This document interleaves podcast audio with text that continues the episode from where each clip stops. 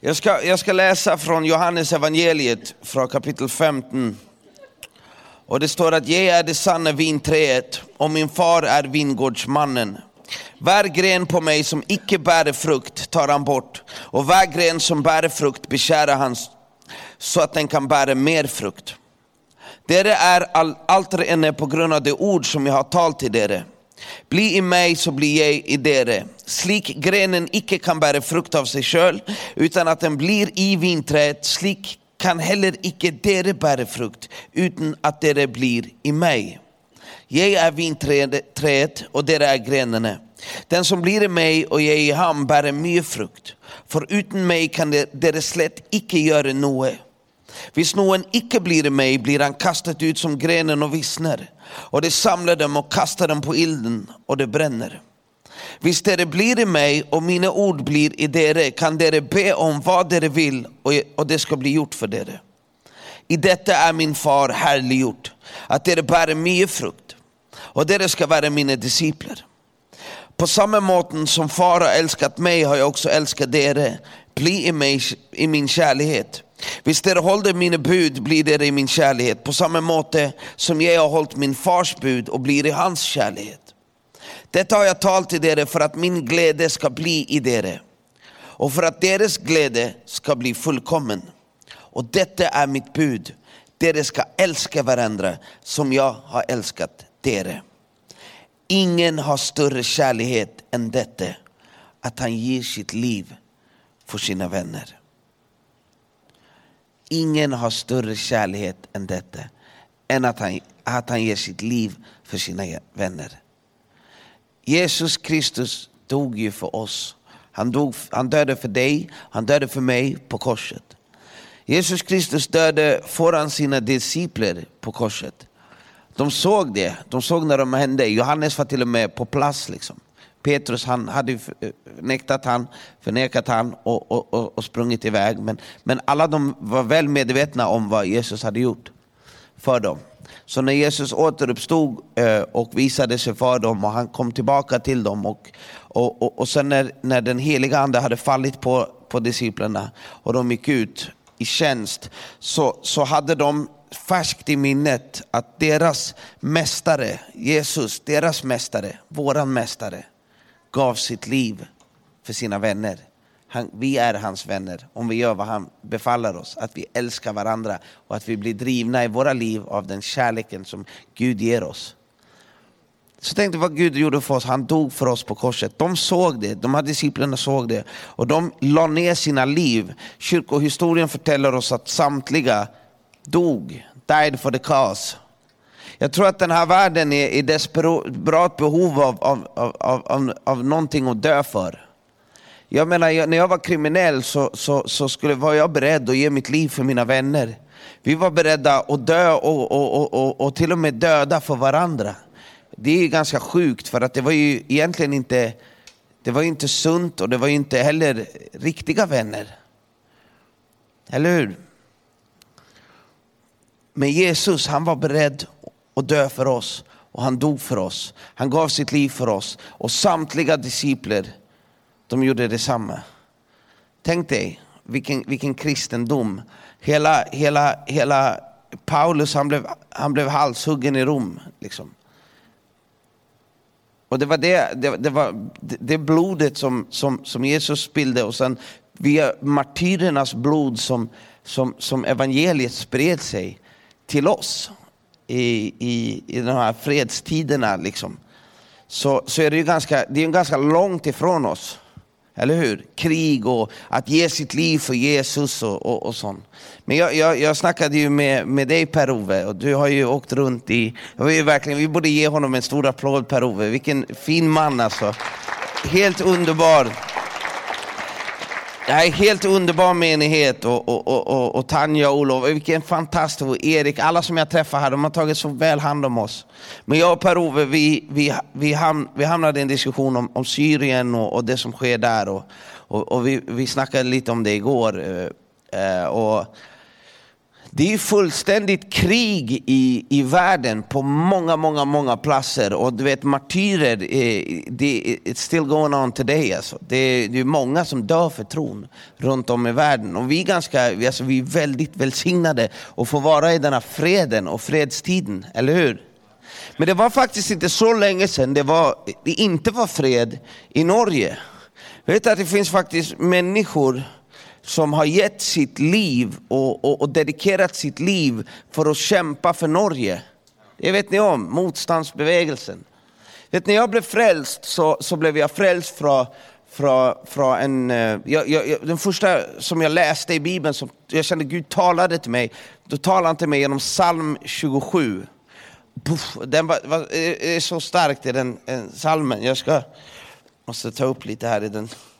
Och i den, eh, i den salmen, så, så, när jag läste den, så var det någonting som aktiverades i, i mig. Det var någonting som hände, det var någonting som skedde på insidan när jag hörde Guds ord. Och jag fick, liksom innan jag visste att det ens fanns kristna i min, i min släkt, för att jag kommer inte från kyrk, kyrkvärlden om man säger så.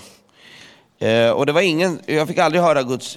Jag, var på, på, jag har 30 vänner som har dött, liksom. jag har varit på så många begravningar, men inte ens prästerna förkunnade Guds ord för oss. Det var bara av jord är det kommen, av jord ska det återgå. Men vi satt ju där, vi var jättehungriga och törstiga och rädda och allt möjligt. Och, och om någon bara hade präkt evangeliet för oss så hade vi tagit emot det som, som hungriga fågelungar.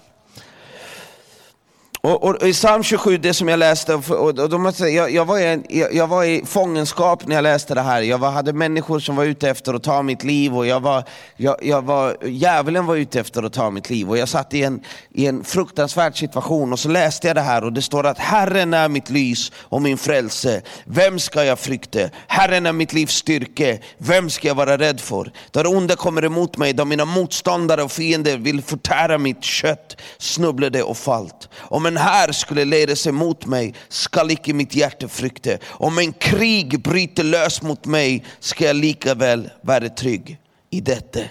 En ting har jag bett Herren om och det längtar jag efter. Att jag kan få bo i Herrens hus alla mina livsdagar så jag kan betrakta Herrens skönhet och grunna i hans tempel.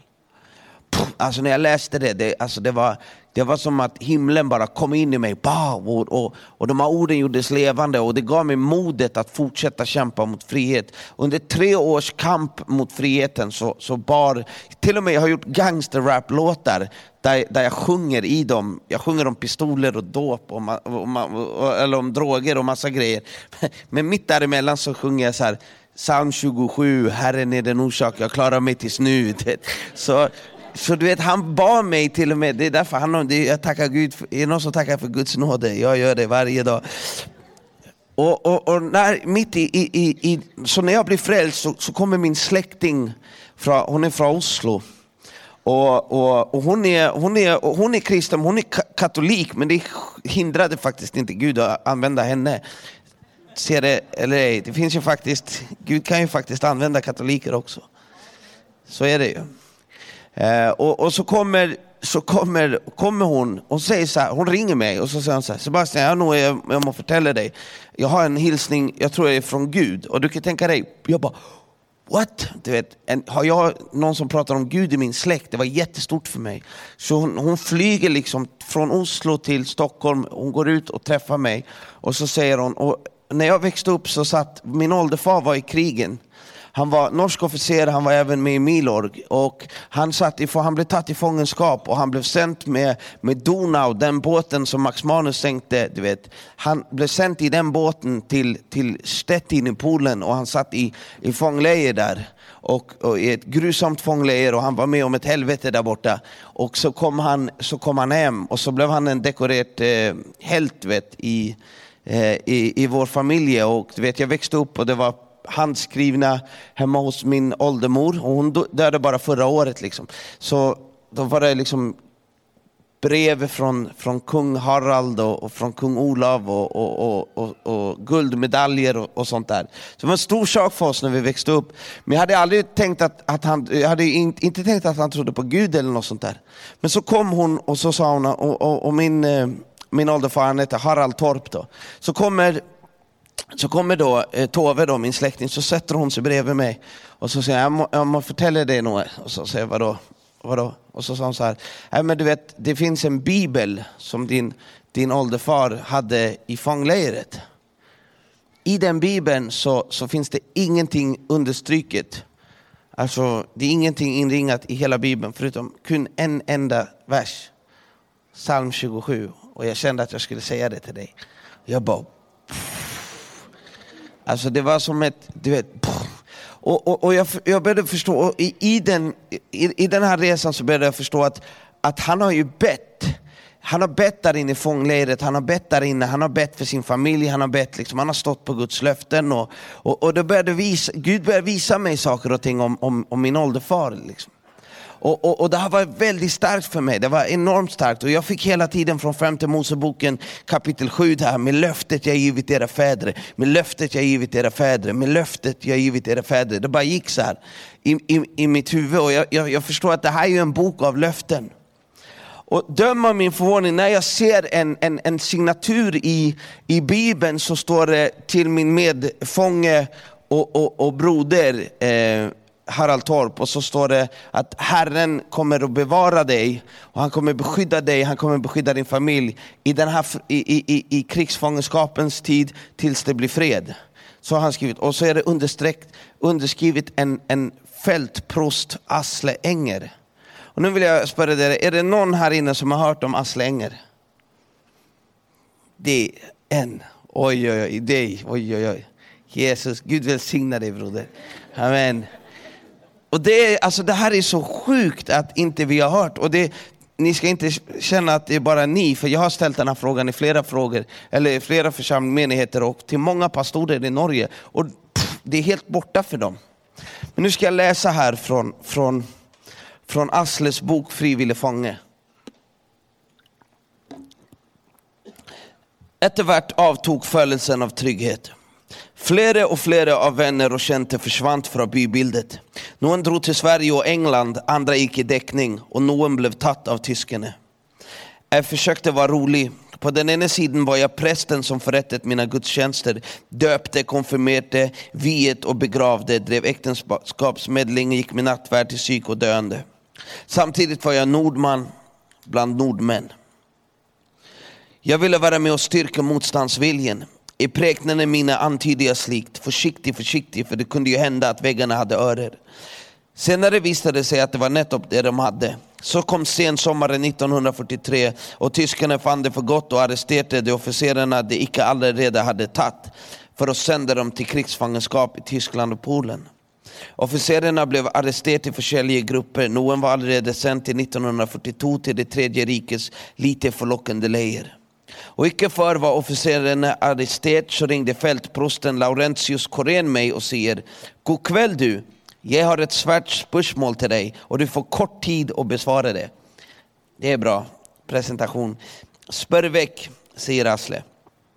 Kyrkan önskar att en av våra präster mälde sig frivillig och reser med officerarna i tysk fångenskap.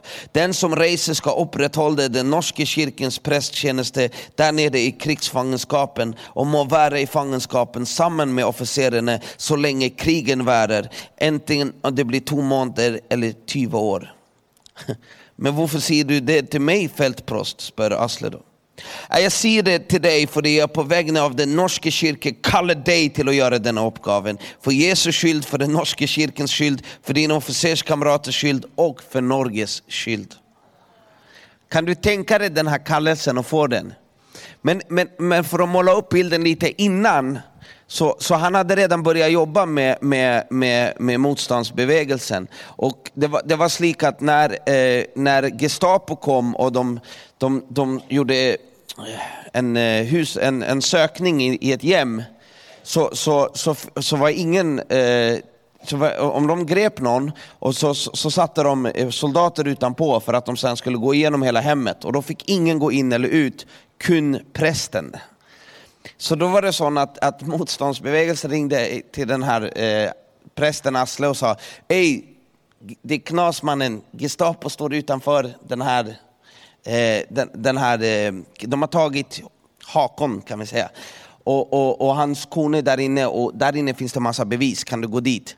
Så, så prästen åkte dit liksom sådär och sa, jag är prästen, jag ska gå upp och trösta konen. Och så kom han in och så när han var där inne då bara gick han och, och, och så brände bevisen och förstörde bevisen och sånt. Och sen bara gick ut, fattar du vilken tung präst alltså?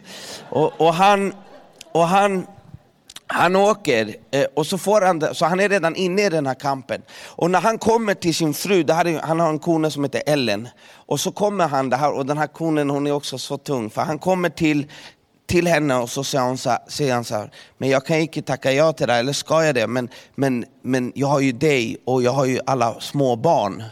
Vad ska ske med er? Och så, så, så svarar hans kone så här, ja, jag, du har mig och du har små barn. Men de andra officerarna, de har också kone och de har också barn. Vi alla må göra vårt, det är krig. Puh, tänk dig, vilket svar. Så han, hon välsignar honom i det och han åker, han reser, han åker på den här båten. När de är på båten, på väg över, så, och det här är en, det här är en, eh, en luthersk präst. Och, och, och, du vet att de är, de är inte kanske alltid lika karismatiska som, som karismatiska kristna, men, men det hindrade verkligen inte Gud att bruka han kan jag säga. Och, och sen kommer han och så öppnar han och, och så, kommer, och så, så är de i, i båten, de är fastkedjade i båten, längst ner i båten, så säger de så här, helt plötsligt stannar de båten och så kallar de på han prästen, Ey, du ska hålla gudstjänst 15 minuter på däck. Och så tar de upp alla fångarna utanför Köpenhamn. Och så ska han hålla gudstjänst och han är helt oförberedd så han bara kommer upp dit och han har varit nere i mörkret så han måste göra så här för att se liksom. Så säger han så här, vad, vad ska jag göra? Och så, så, och så säger han, ja, men jag, så säger han till Gud så här, lyssna nu gör jag något som jag aldrig har gjort tidigare. Jag tar ett bibelord på måfå. Gud nu öppnar jag den här bibeln och så tar jag fingret högst upp på höger sida och sen det, den versen som mitt finger pekar på, den predikar jag. Och så gör han det. Och då sitter de eh, runt honom. Och många är så negativa, mot, äh, de flesta är positiva, men det finns negativa soldat, norska soldater som säger, vad, vad ska vi med denna, vi behöver nog en dadde i krigen, vi är mansfolk och vi, och vi dör för Norges skyld om det är sån, så. Och de tänker varför skickar de med en dadda? Men många var tacksamma för prästen. Men det skedde något då. För att han öppnade upp bibeln och så bara tryckte han på sitt finger och så bara läste han. Och, och där står det så här. Ni behöver icke vara rädda, ingen ska omkomma, bara skipet alene. Från Apostlagärningarna, Paulus du vet. Och så läser han det och så kollar han upp så här. Och så läser han det och han bara, och slik, slik, det här är sanningen, det här är Guds ord och, och slik ska det bli. Och sen släpper den här båten av dem i Polen och när båten åker tillbaka så sänks båten och båten går under. Och det här får ju de höra liksom. Så här. Och det tänkte då han liksom, ingen av er ska omkomma, bara skipet. Och det händer, du vet. Så de börjar ju tänka, wow. Du vet, så han blir ju mer och mer populär. Och då, men de kommer till en, en vansklig plats och det står också att också kosten var mager. Den bestod av en slags suppe som vi i, efter en stund fann ut var kokt på potetgräs. Detta fick en halv liter av per man per dag och vi fick en slags vassen teersättning och därtill en klump bröd som vi med någon försiktighet kunde dela i tre brödskivor. Det var lite lite. Det var så lite att jag de första månaderna av fångenskapen gick ner 26 kilo. Uh, och det var en det var en vansklig, eh, det var en vansklig tid, de visste inte, var i, så sitter han där tillsammans med min ålderfar och tillsammans med de här norska officerarna. Och så försöker han, göra, eh, försöker han vara en präst där och det, det är en vansklig tid och, och, och människor de dör ju. Eh, här är en, beskriver han om hur han får sitta med en man som dör. Och det står, prognosen var dessvärre entydig. Han ville komma till att dö en av de första dagarna. Och det var mitt privilegium att få vara med honom i den tiden, lika till det sista. Vi snackat om dem där hemma, vi snackat om smärtorna, om döden som närmade sig. Vi talade samman om frälsaren, vi gråt och snackat bägge om Norge. Och då döden närmade sig grep han tag i det stora sölvkorset mitt som jag hade i min kedja runt halsen utanpå uniformen. Och han sade, är det detta du har fått från officersfruarna hemma i Norge? Ja. Då vill jag hålla det i den ena handen och din hand i min andra. Slik vill jag dö. Och du får hilsa kona mi och de fem barnen mina och se att då jag döde så var det dem jag hade i tankarna, dem och tron på min korsfäste Herre och Frälsare och slik dödade han. Det är starkt det här. Och han får liksom i den här fångenskapen som han får sälj, så, så han, ska ju liksom, han måste vara stark, han måste vara stark för sina, sin, sina bröder, för han, de kommer till honom med alla deras problem, med alla deras smärta, med all deras frykt. Och de vet ju inte, och någon, ingen där vet ju om de kommer överleva det här, det är ju fullständigt kaos. Men på nätterna då måste han kriga för att han är ju inte stark. För att han, han, han, det är omöjligt att vara stark. Men han måste vara stark för deras skull. Så på nätterna då får han kriga. Och det beskriver han här. Att det hänt att jag om kvällarna bestack våra vakter på gången. Så att det låt lyset på cellen få bränna lite längre ut över natten. Då kunde jag sitta och flitigt försöka göra någon teologiska notater. För liksom att uppsummera för mig själv vad jag egentligen upplevde som kristen och som präst helt på bar backe utan grundlag, grundlag för hopp, utan att kunna se Guds kärlek så klart som den lär se sig i fredstid i ett överflodssamfund. Är det någon som känner igen det där? I fredstid i ett överflodssamfund, det är akkurat där vi är nu, eller hur?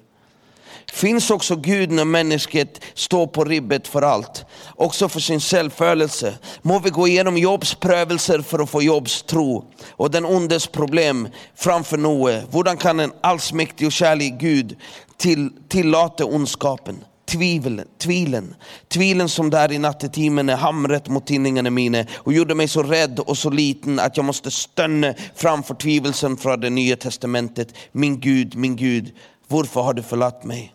Och så finner han nettopp där, mitt i tvivlens och kampens centrum. Upplever Gud som den medlidande Gud, en som vet allt om lidelse. Upplever Kristus som Thomas tvivlaren gjorde det och som Peter förnektaren gjorde det. Jag kämpat ofta där i nattetimmarna under den lyspären i taket, kämpet och bad. Det är starkt. Det är väldigt starkt. Och så är det att, att, att krigen går mot slut, alltså krigen går mot slutet och i början så hade de det, det var okej. Okay.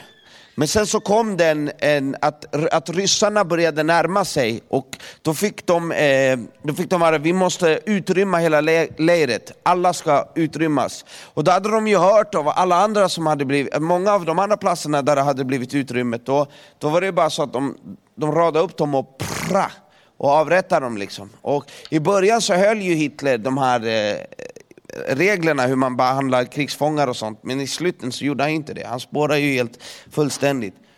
Och, och nu ska, så får de beskedet att, att de ska dra. Och det här avsnittet heter den förfärliga resan. Och det som var så starkt för mig var för att min ålderfar han skrev en dagbok i fångenskapen som, som vi har hemma och som jag läst, och jag vet, det är så stark läsning. Men den dagboken slutade på, på, på den här resan och där bara sista sidan så var det inte skrivet något mer. Och, och han ville aldrig förtälla för någon vad som hade skett i, i släkten och sånt.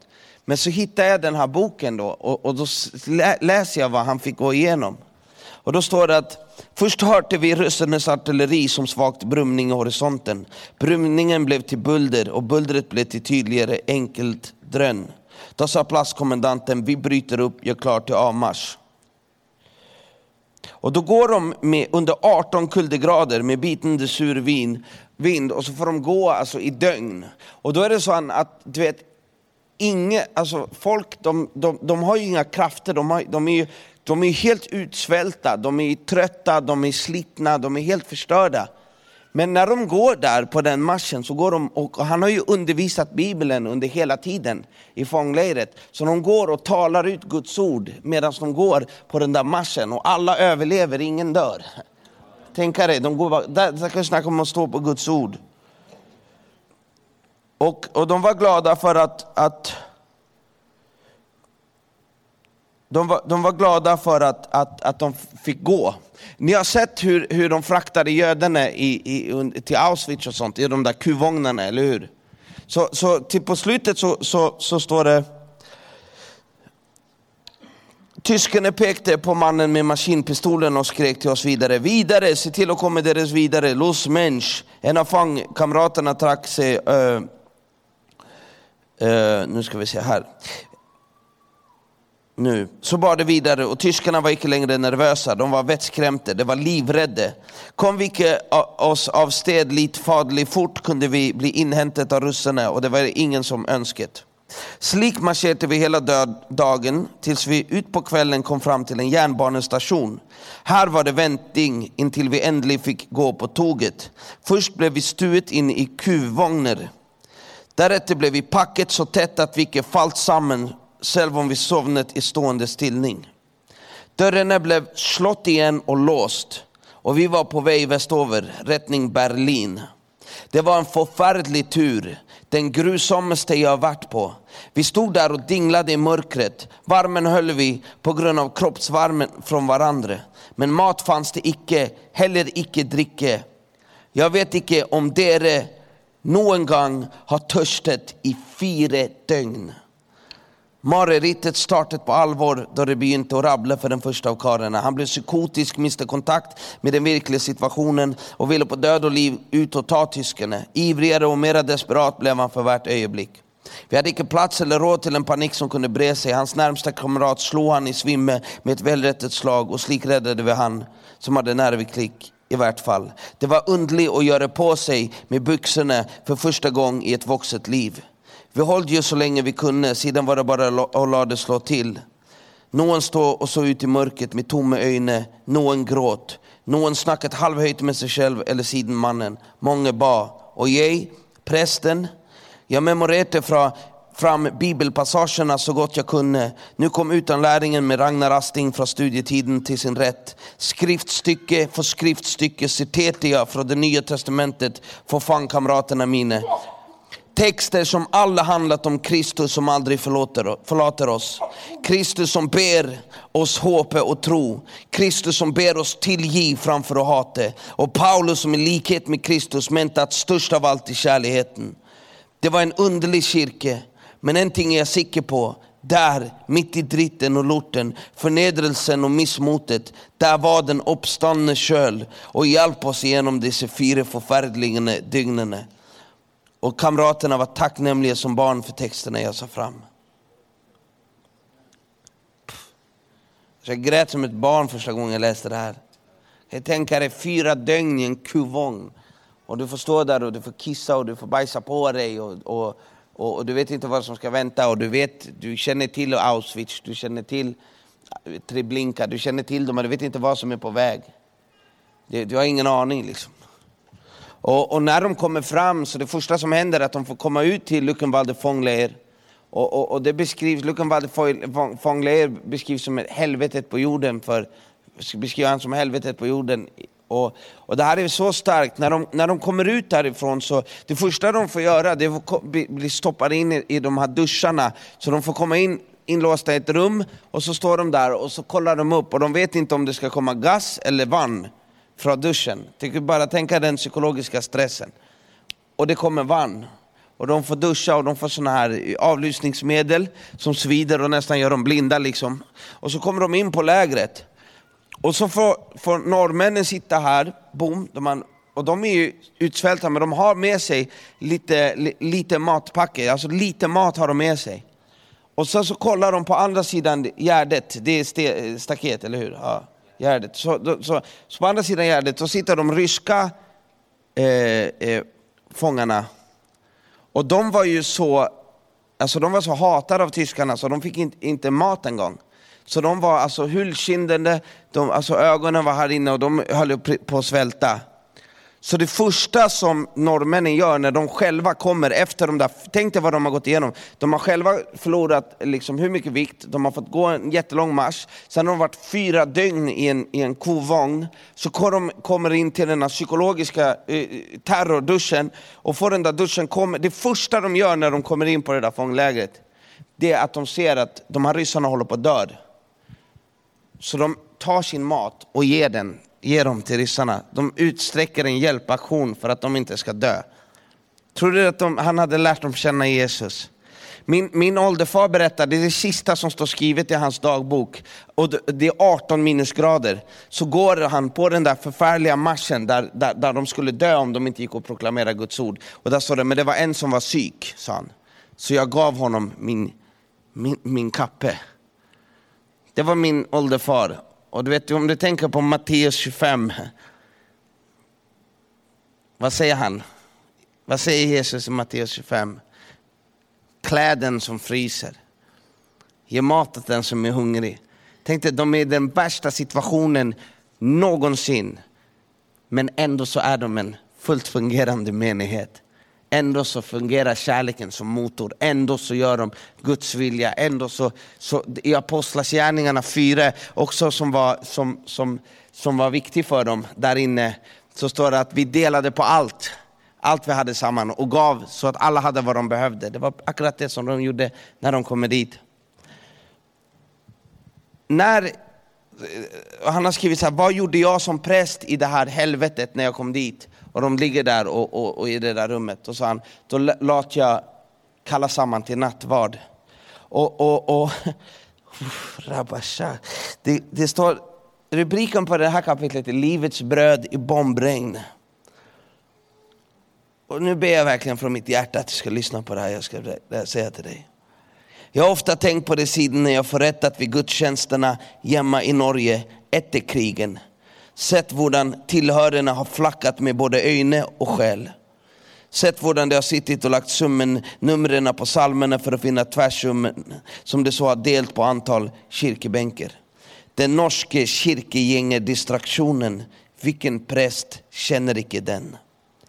Men det var icke slik med min menighet i Luckenvalde. Jag kom med livets bröd och fångarna var sultna på det. Utanför var det ju mer och något att bekymra sig över. En gång förrättade jag nattvarden medan det bombet Berlin, de allierade, med upp till 1500 fly i tuktet. Vinduglasset for som snedrev genom gudstjänsterummet men ingen ens sett något annat än det som skedde. Den uppstandne Kristus som de fick ta emot som bröd och vin. O du Guds lam som bar världens synder, sang jag. Du giv oss din fred, sang Gutta som svar.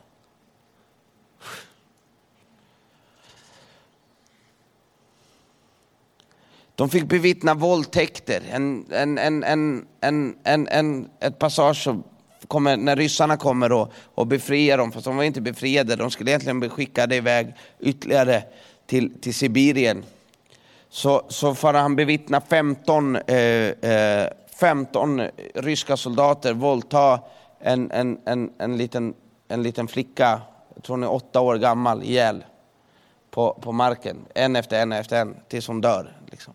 Sådana där saker så får, så får de se. Och så, så står det, så kom de lyckliga dagarna, 7 och 8 maj, då vi först fick höra om den tyska kapitulationen. Och så äntligen att vårt kära, kära Norge igen var ett fritt land och ett fritt folk. Gutta gråt öppenlyst och jag förrättet vid en fenomenal tack i gudstjänsten. Vår bönnen till Gud stod som ett söjle från de många hundra norska fångarna, like till den Herren Sebåts trone. Tacke bönnen för att han hade skapat freden, tigger bönen om att han snart måste genomförena oss med våra kära. Och så sang vi, ja vi älskar. Och så sang vi, Gud signe vårt dyre fäderland. Det är starkt. Och så, kommer de, och så blir de befriade och så får de komma hem. Och så, och så när han, han är som gudsman den här. Han får till och med möta hat när han kommer hem för, av, av sina egna kyrkor. Det här är typiskt eh, köttliga kristna. De, de, är ju, de kommer till honom och så säger de så här, ja men du ska inte tro att du är något. Ja, det finns säkert någon, kanske du tog platsen till någon annan som hade gjort jobben bättre än du. Alltså, mm, uff. Jag lovar, en, en, hade jag stått bredvid, jag hade bang! Jag tror inte ens jag hade behövt omvända mig efteråt. Jag tror jag hade fått en high five från himlen. Men... Uh. Men den här mannen, han är så här, tänkte han kommer ju hem och då kan du tänka dig så nu ska han sola sig i stjärnglansen och vara en hjälte för alltid som, som man kan ju tänka. Men det var icke. Det första han gör, alltså han är helt för mycket den här mannen, Asle Enger, glöm aldrig det namnet igen. Och, och, och, han kommer hem och så ser han, så åker han till Danmark och så har han ett möte där. Och så får han en beskrivet situationen för de tyska änkorna och deras barn. För att nu är Tyskland fördelat mellan amerikanerna och ryssarna och ingen av dem är intresserad av att hjälpa de Eh, nazisternas fruar och, och kone och, och, barn, eller hur? Så, han säger, så, så då får han rapporten att de håller på att svälta ihjäl. Så då kommer Asle och så, så ber han om audiens då hos kungen i Norge. Så kommer han dit och de ska liksom tacka honom liksom för, för det han har gjort. Men han, han bara, ja, men nu är det så här att jag behöver två båtar, jag behöver två sheep med mat och förnödenheter. Och, så säger, men jag, och jag behöver det nu. Liksom. Vad ska du med det till? frågar då kungen och dem. Äh, jag ska åka till Tyskland och mata eh, eh, eh, nazisternas änkor och barn för de håller på att svälta ihjäl.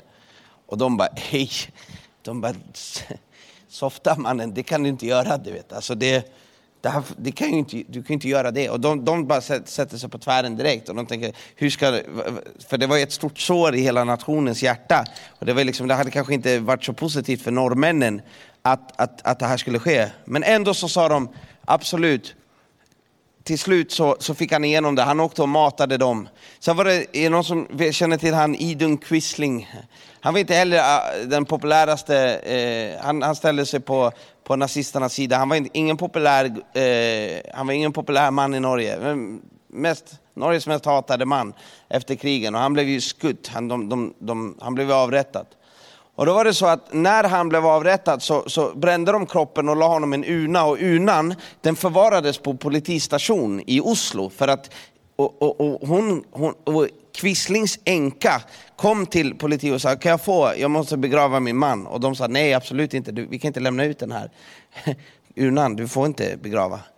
Du vet. Och, då hon var, och ingen ville hjälpa henne, hon var ju också, hon var ingen populär någonstans. Och vem, vad, vad, till slut, Asle kommer. Självklart, jag ska hjälpa dig. Han går in på polisstationen, får ut, eh, får ut urnan och begraver Quisling och, och ser till att, att, att, alltså fattar du? Vilken man, gång på gång på gång. Han var inte ute efter popularitet, han var inte ute efter någonting och han fick inte så mycket popularitet. Och idag så är han helt, till och med helt bortglömd. Men när jag läste den boken, Asle Enger, Frivillig fange, så grät jag från början till, till slut. Jag bara uppmanar dig, få tag på den boken. Asle Enger, Frivillig fånge. Och, och, om ni googlar hans namn så kan ni se en intervju av honom på NRK också. En fantastisk gudsman, en hjälte. Tänker att vi ska inte ta den här freden och den här friden som vi har för givet. Vi ska inte ta det för givet att vi kan samlas i den här lokalen, i den här kyrkan och, och tillbe den levande guden på, på, på en söndag helt fritt. För att det är människor som har betalat för att vi ska få den här friheten.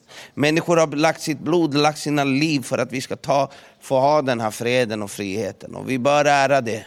Och det är många, många, många människor runt om i, i, i världen just nu denna söndag som samlas i smyg, som med fara för sina liv för att tillbe Jesus. Vi bör tacka Gud att vi lever i ett land där vi, där vi, har, där vi har möjligheten att göra det här i fred och i frid.